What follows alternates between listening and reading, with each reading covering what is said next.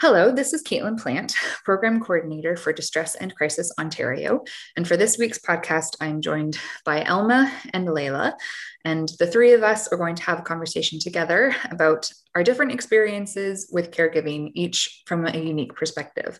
So, Layla, if you would like to start, I would love it if you could give us a brief explanation of the caregiving you have experience with. Yeah, thanks, Caitlin. Um, so, my name is Layla, and I'm a mom of three boys.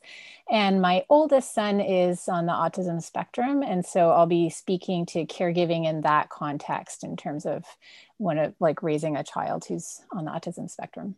Mm-hmm. Elma?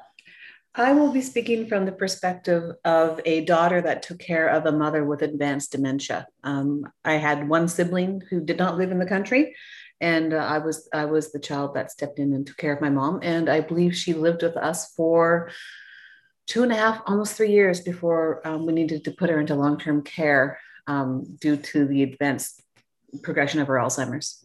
Mm-hmm. And I, Caitlin, will be speaking from the perspective of working as a paid caregiver uh, for an employer outside of the home and outside of my family. So, my first question is going to be kind of a conversation for the three of us to have uh, to explain the similarities and the differences between those three different roles.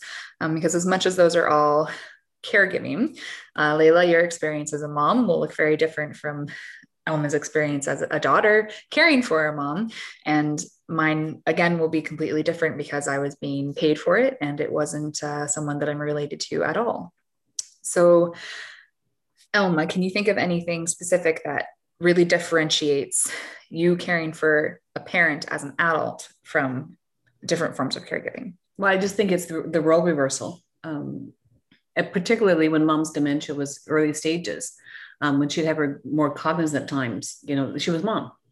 Uh, and then as the day would progress, mom was a sundowner. Um, more and more, it would transition to me taking that role over. Um, so, yeah, it, there were days when I would flip between the caregiver to the daughter to an absolute stranger in her world that she had no concept of who I was. Mm. Um, so even though I always knew who I was in her life, she often did not know who I was in her life. And that made the caregiving sometimes very complex. Mm-hmm. Yeah, I uh, can imagine that that would cause some some difficulties. There were difficulties, yes, there were definitely, and I didn't foresee them. Um, I, I, assumed that the mother daughter relationship would be the bond would be strong enough that we'd sail just through on nice smooth seas, and it was so much more challenging than I ever anticipated. Hmm. Layla, as a mom, I know that being a mother to any child is a form of caregiving. Um, obviously when when a child has some exceptional abilities in there it can become a little bit more complicated. So can you give us a little bit of details into how that adds some complication? Yeah um, i'd say that it uh, it it added a layer of stress to some of the things that you want your child to be able to do. Um, and it, in terms of my oldest son's development, you know, one of the challenges for him was social interaction. And so we wanted to give him opportunities for social interaction. However, that could be incredibly stressful in mm. terms of how he would sometimes navigate those experiences. And like when I think about him being at the age of playing on playgrounds and he was a big kid. Like my husband is over six feet and i'm almost six feet. And so mm-hmm.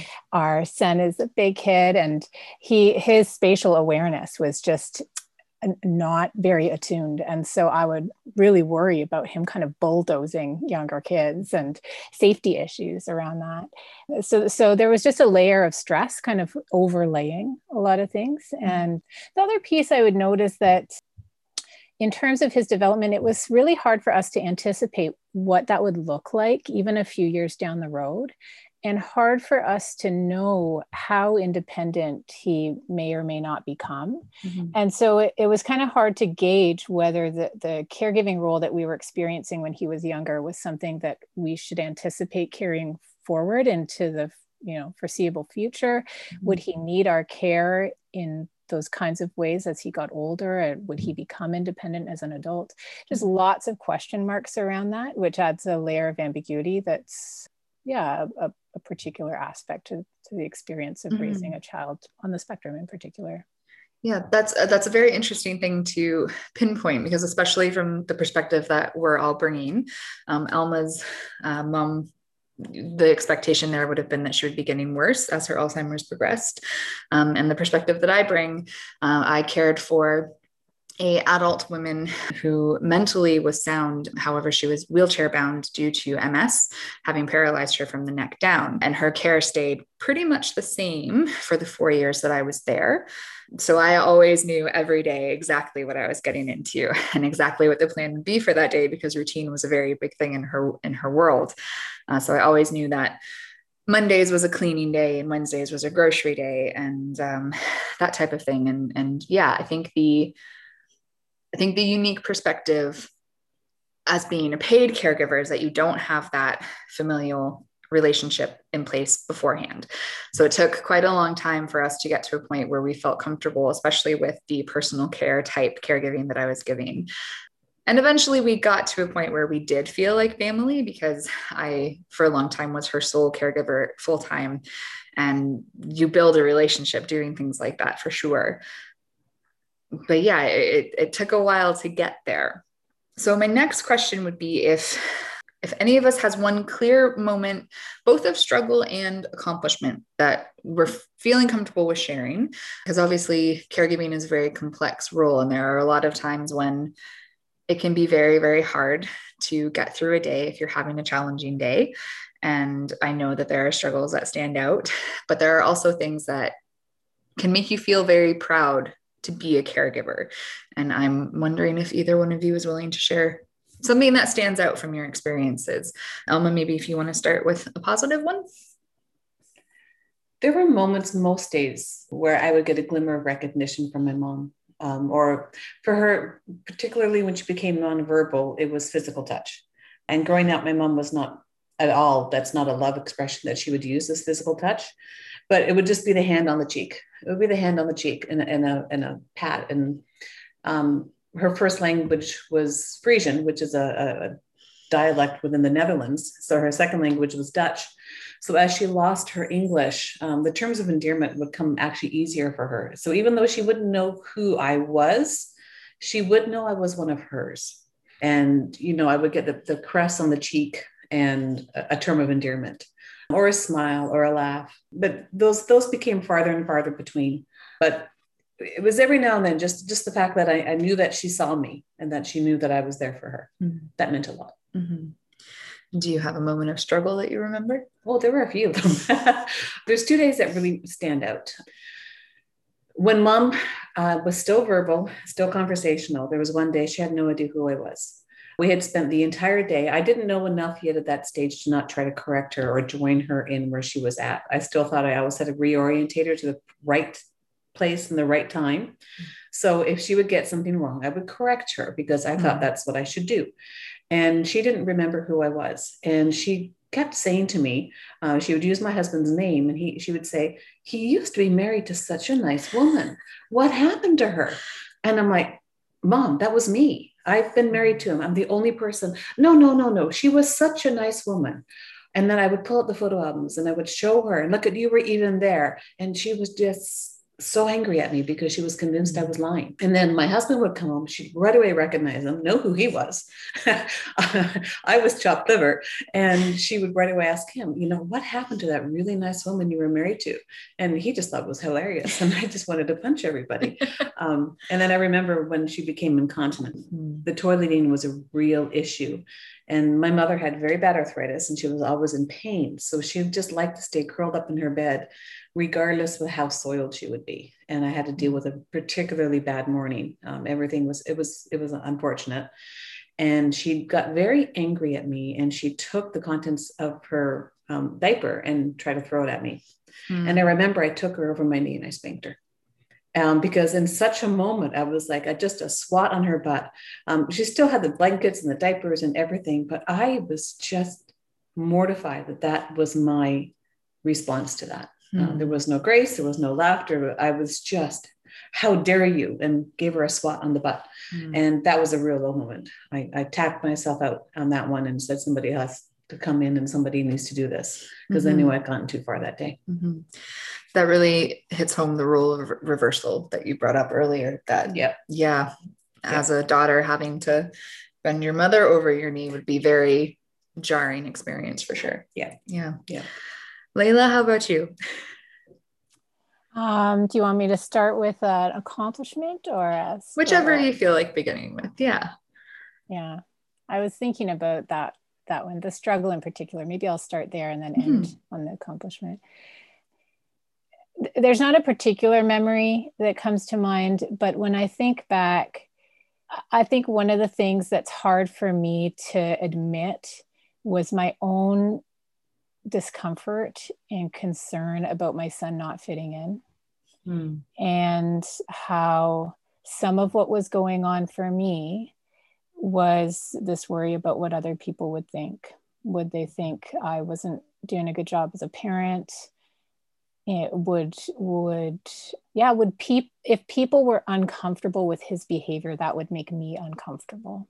Okay as opposed to maybe what I wish I could have done would be to kind of step in and maybe do some education or that kind of thing. But but then I would get when I was uncomfortable, there would be some fear there for me that would kind of motivate then mm. in terms of wanting to correct my son or you know coach him to to do something that would be more appropriate mm-hmm. and i i just think that's a hard piece to admit but but that was part of my experience and then, um, in terms of uh, an accomplishment, one that came to mind is is an example of kind of the opposite of instead of getting oriented around that fear, um, being really able to tune in to what he needed in a moment. So I think of one of his birthday parties when he was maybe I don't know in grade school for sure, maybe like grade three, um, and he had helped make the list. So it was of who to invite. It was a bunch of kids from his class.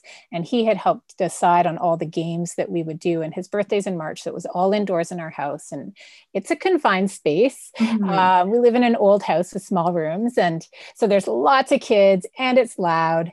And and my son had a lot of sensory issues. And mm-hmm. so when it was loud, that was really overwhelming for him. Okay. And so um, at one point, the kids are all in the dining room and it's super loud. And my son picks up something really heavy, like I think it might have been a glass paperweight or something, and he threw it. Mm-hmm. And I, you know, I saw it happen and I couldn't stop it from happening. Um, and no one got hurt.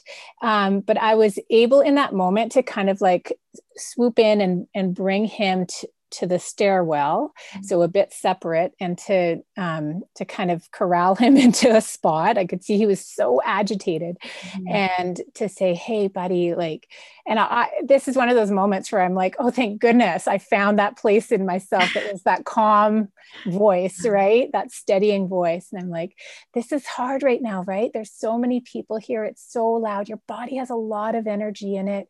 I can see that that's hard right now."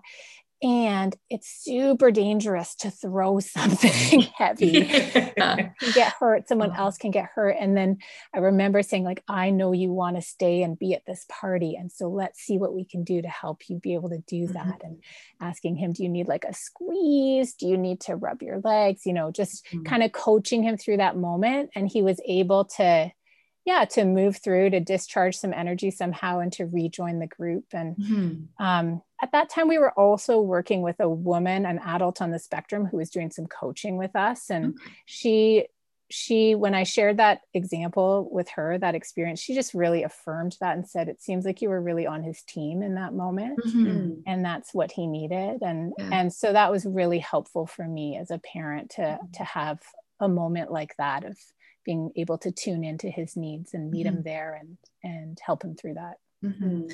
it sounds like you kind of reached this shift in thought where instead of shutting down his actions you like really became comfortable with redirecting the energy mm-hmm. yeah that's that's really i can understand that that would feel like a huge accomplishment yeah i think uh, in my own experience the one major day that stands out for me was with my employer. Uh, we needed to use a lift to do a lot of the personal care.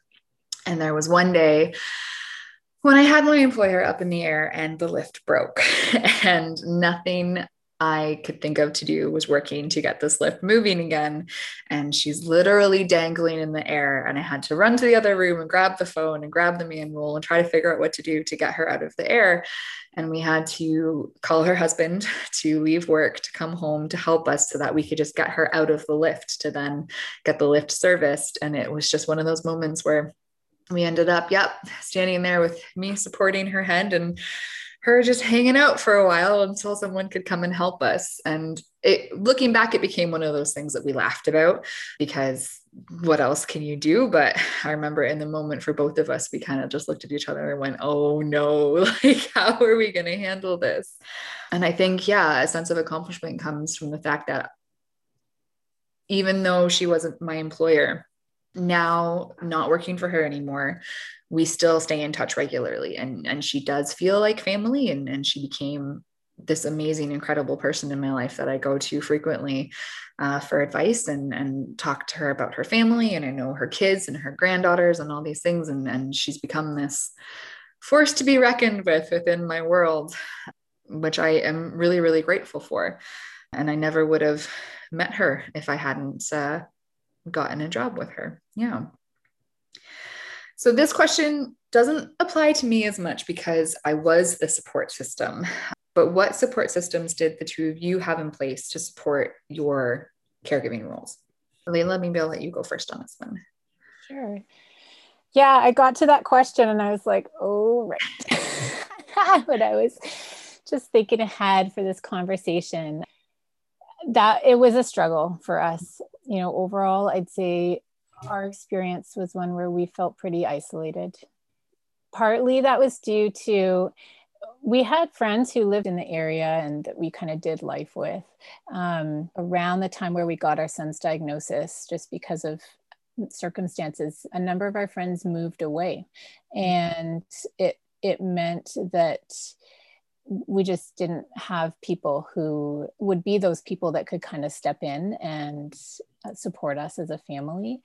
And our parents on both sides live out of town, and mm. that also wasn't really an option for us in terms of practical relief.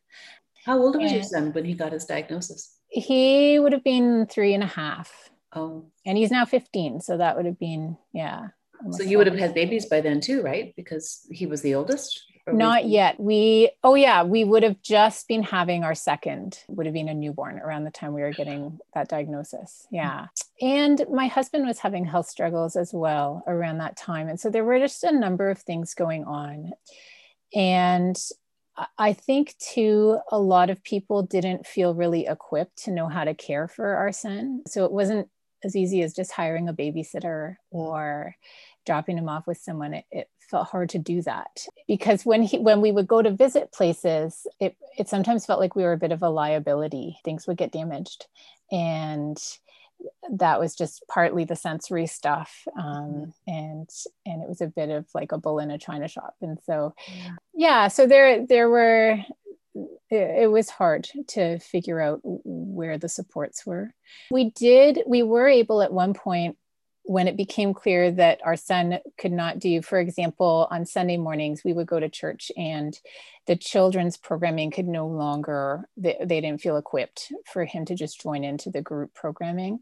Okay. And so um, we were able to hire someone to do um, some respite then and to do like one on one support for him. Mm-hmm. Uh, and that felt really important for my husband and I to have like an hour a week where we could just sort of do something together, be in a service, participate in something together, and um, and not worry about being called out or to, of the service to tend to something. Could just sort of relax in that window of mm-hmm. time. Yeah. yeah. You mentioned um, already that you had a older woman with autism who you built a relationship with to kind of get some mentoring from her. At what point did you start doing that? Um, that our son probably would have been maybe more like seven, eight around there. So, eh, you know, it was, we were starting to try and figure out, our, our son did some of the applied behavior analysis therapy, ABA therapy is like the, the mainstream therapy that's funded by the government. Mm-hmm. Um, and, and he did that for for several years in an intense way. And we just started to have other questions about what kind of things might support him mm-hmm. and to consider other things beyond just like his behavior and kind of shaping or coaxing certain behaviors out of him, trying to understand what kind of environmental factors are contributing. And so we just started to do some research around that and then came across this woman who, um, yeah, her expertise was really around uh, having a more holistic view of, of what's going on and what's impacting people's functionality uh, who are on the spectrum. And so she helped us to consider things that would not have been addressed previously uh, in our our understanding of how to support our son. Okay, Alma, what kind of supports were you able to use with your mom? Um, again, initially there was very little. At that point, we were living in Huron County, geographically, you know, a little bit isolated. Uh, we had combined households at that point. We had moved from where we lived, had bought a house that was good to accommodate mom. But then we were pretty much on our own. And had it not been for, she had one very good friend from her church, Betsy, who used to come every week to have coffee with her. And that let me go downstairs, get some laundry going, maybe do a walk in the backyard, uh, do what I needed to do. I'd never leave because if mom mom could get aggressive, I didn't want Betsy in that position. But mom could have a friend to be a friend. Um, they could have their coffee chabakjes, which is a, a, Dutch the cookies, and I always got the fancy cups out, and you know, made always sure it was something special. Uh, and and Betsy saved me. Um, she was pretty remarkable. And then eventually we did. It was after that incident where I took my mom over my knee. Um, CCAC finally came alongside uh, with some respite care, and for us again, it was Sunday mornings. How important it was to have that Sunday morning where we could go to church um, my husband was a pastor, and um, there was roles I had at the church as a leader and, and, and, and stuff. And it was really important to be able to keep that routine. Plus, we also had three teenagers. You know, one, our oldest son had just gotten married. Um, we had a grandchild on the way. There was different stages in life that I was also trying. I was very much the sandwich generation at that point. Um, and there was very little. Um, of course, they referred us to the Alzheimer's Association, but all they could offer was some books, and the support group was for spouses. There was nobody else in my situation. So I found an online support group. But my mother was particularly difficult, and she had done some really hard work in her life to change her basic perspective. She was a child of World War II. She had very set ideas about what was right. She believed that females were lesser than men. I'd always been raised that way. And she challenged herself and she grew and she changed and she became much more gentle and forgiving in her life. But Alzheimer's reset her back mm. to where she used to be.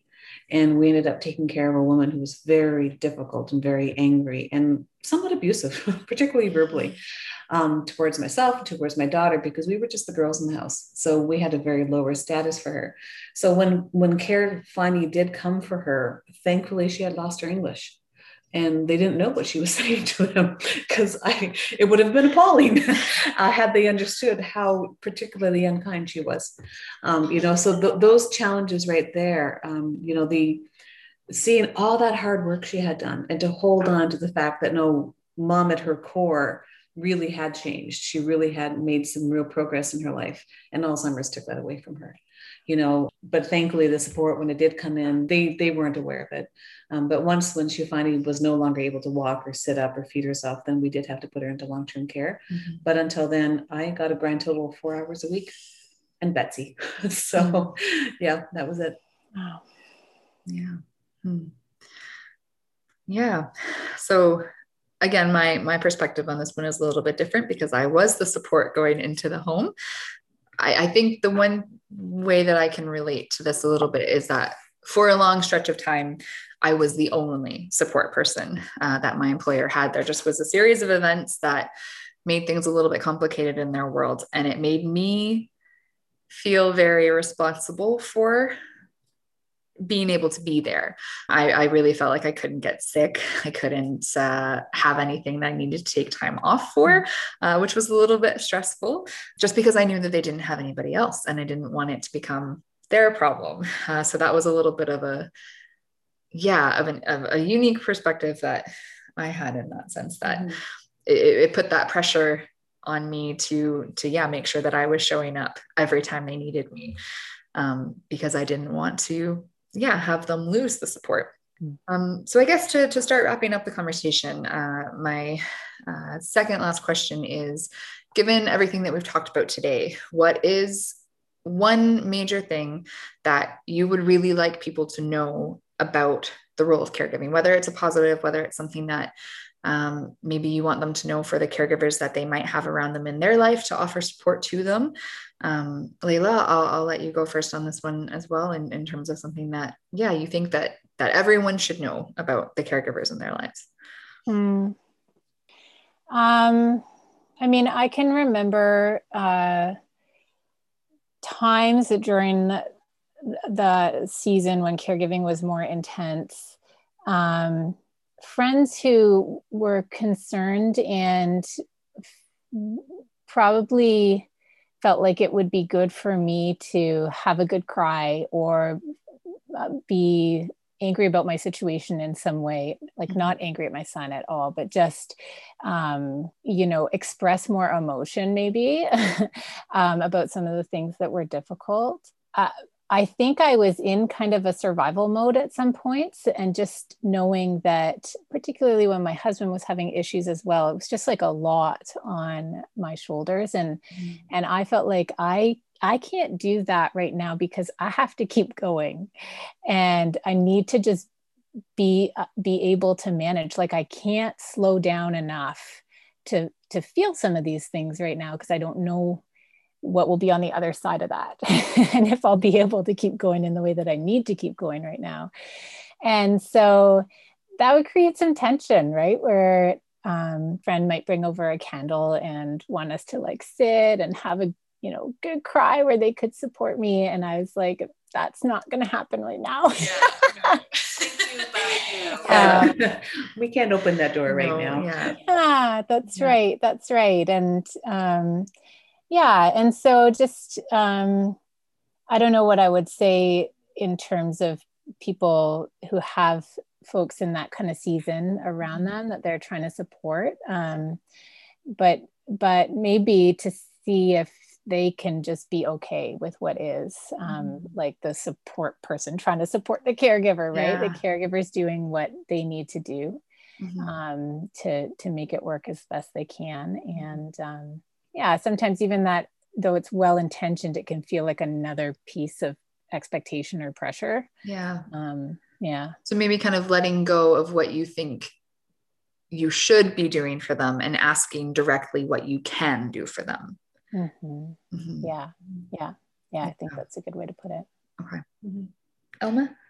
Uh, very much the same. I, I think to remember too that the caregiving is not the only role that you have in your life you know, like, okay, I was mom's primary caregiver, but I also was a mother to three. I was a wife, I was an individual. Mm-hmm. And when you are in the really heavy duty caregiving, everything else gets put to the back burner. And I still carry a lot of guilt around that because I, I do know that as a mom, I dropped the ball um, because I was so overwhelmed taking care of my own mother. But then when someone's come to me and say oh you need to take care of yourself it's a foreign language that's not it's not even on the menu right. like if i had a menu it'd be on like page 18 mm-hmm. um, you know so someone saying oh self-care no no you know so if i if i called a line and i was looking for help and they told me i needed to take care of myself well that's not helpful mm-hmm. um, you know what i could maybe do is you know give my maybe more affirmative statements or something like that but right now, if I would see somebody in the situation that I was in, I don't think I would try to help them in their caregiving role. I would look at the other areas in their life and say, mm. could I mm. get the groceries for you? Mm-hmm. Um, what's the flower bed looking like? Um, I remember one day I looked outside and my girlfriend was weeding my flower bed. And I started to cry because I'm like, oh, thank God. I didn't know how much it was bothering me until she yeah. was out there doing it for me. Mm-hmm. And then you're like, okay, you know, and she loved gardening. I hated it. And it was a pleasure for her to do. And I'm like, thank you, you know, thank you, Rose. Um, and it's those little moments, uh, you know, where someone looks at, goes, okay, these other things in her life she really can't deal with right now, but mm-hmm. I can. Mm-hmm. Uh, and it was a gift. It was genuinely a gift. So, you know, if you're supporting a caregiver, try to look at their whole person and see if there's other areas in their life that you can just maybe come along and, and give them some support there. Mm-hmm.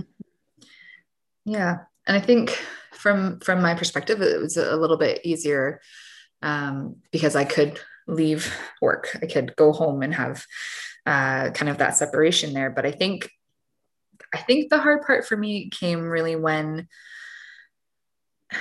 when my employer did start to feel like family.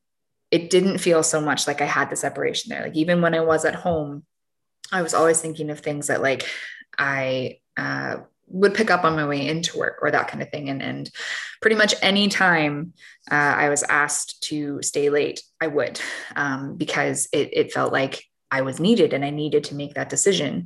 And I had people around me sometimes that really struggled with that because sometimes it meant that I had to cancel plans. And especially if, um, the person that I had made plans with worked that kind of more nine to five job where they would never uh, run into these things where they they're they're working sometimes a long, long, long uh, stretch of extra hours. They just didn't understand that. So I think, yeah, when it comes to people that are working as caregivers, trying to understand that even though it's it's their job, even though uh, they're employed in this role, like I feel like caregivers naturally have a hard time putting those boundaries in place that they maybe should no matter who they're caring for. And accepting that sometimes yeah they're they're going to still put their work before other things in their lives even if it's not for a family member. Um, and just yeah being gracious when those moments happen. Yeah so before we go uh, is there anything else that we haven't covered today that you would like to touch on i think it's it's just really important to value and honor the role of caregivers. Um, I'm going to make the assumption that Layla wasn't paid, neither was I. And mm-hmm. you don't assume that you're going to be, because particularly if you're taking care of a family member, right? Mm-hmm. Um, so sacrifices are being made. There's there's other family members who are sacrificing siblings and uh, you know other children. Care the caregiver carries a lot, but so do the people around the caregiver. Mm-hmm. um, the other family members. You know, we're, we're, we're part of a larger picture. So I, I think it's try not to break it up too much in just the one role, the one piece, the one, you know, just problem solve the one thing. Always remember it's part of a whole. Um, it's it's more mm-hmm. organic and, and and larger piece that I might be the the designated caregiver, but you know, it affected my children, it affected my husband, it certainly affected my mother. Mm-hmm. Uh, and when she did finally go into long term care, it was such a relief to be able to step back and become the daughter again. Mm-hmm. Um, and say to somebody else, no, I don't like the way you're taking care of her. Or yes, I love the way you're taking care of her. Mm-hmm. Um, but that, you know, caregiving is complex. There's really, really great highs and there's really, really deep lows. And quite often that can be in the same hour, mm-hmm. um, you know, which is why you're exhausted because you're on that roller coaster. Mm-hmm. Yeah. yeah. And I, one of the things I think of is uh, thanks, Selma, for for reminding us that there are those highs along with the lows. We often talk about the struggles, right? Or that's mm-hmm. where our attention tends to go. And and I just um, and just wanting to note um, with my son, there's a lot of joy in mm-hmm. being his parent. Um, you know, um, he's so earnest and um, so dedicated to the things that he's wanting to do and you know even lately as he's thought about covid he's thinking about other people and mm. and how they're experiencing it and he he does not have friends per se um, mm. that's not something that's part of the picture for him and yet what he started to say out loud was that there might be someone out there who needs me to be their friend mm-hmm. because people are having a hard time during COVID. Mm-hmm. That I'm doing okay, but someone else might need a friend. And so then what he did with that was to start thinking, what I'm going to do is I'm going to give a presentation at my high school when we're back in person, and I'm going to present to people about how important it is to be a good friend. Hmm. Oh, that's amazing. Yeah, That's precious. and he's, I don't know, he just is constantly full of surprises. And mm-hmm. um, it's really delightful to see his distinctiveness continue to emerge. Oh, that's hmm. beautiful. That's beautiful. I, uh, what a great perspective to have eh? What can i do to help? And when you know that he's planning that already that's exciting. And that's that's a proud mom moment eh? Like that's yeah, a proud moment. I'm kind of glowy yeah. yeah. Wow. oh, that is awesome. Well, thank you so much to both of you for joining me today. I really appreciate it. And uh, yeah, I hope that we've been able to shed a little bit more light on this very complex topic of caregiving. Uh, it, it, doesn't feel like the very few weeks that we are focusing on it, it is nearly enough to cover even barely beneath the surface. But I really appreciate you both sharing your experiences with us today. You're welcome. It's a pleasure. Thanks, Caitlin.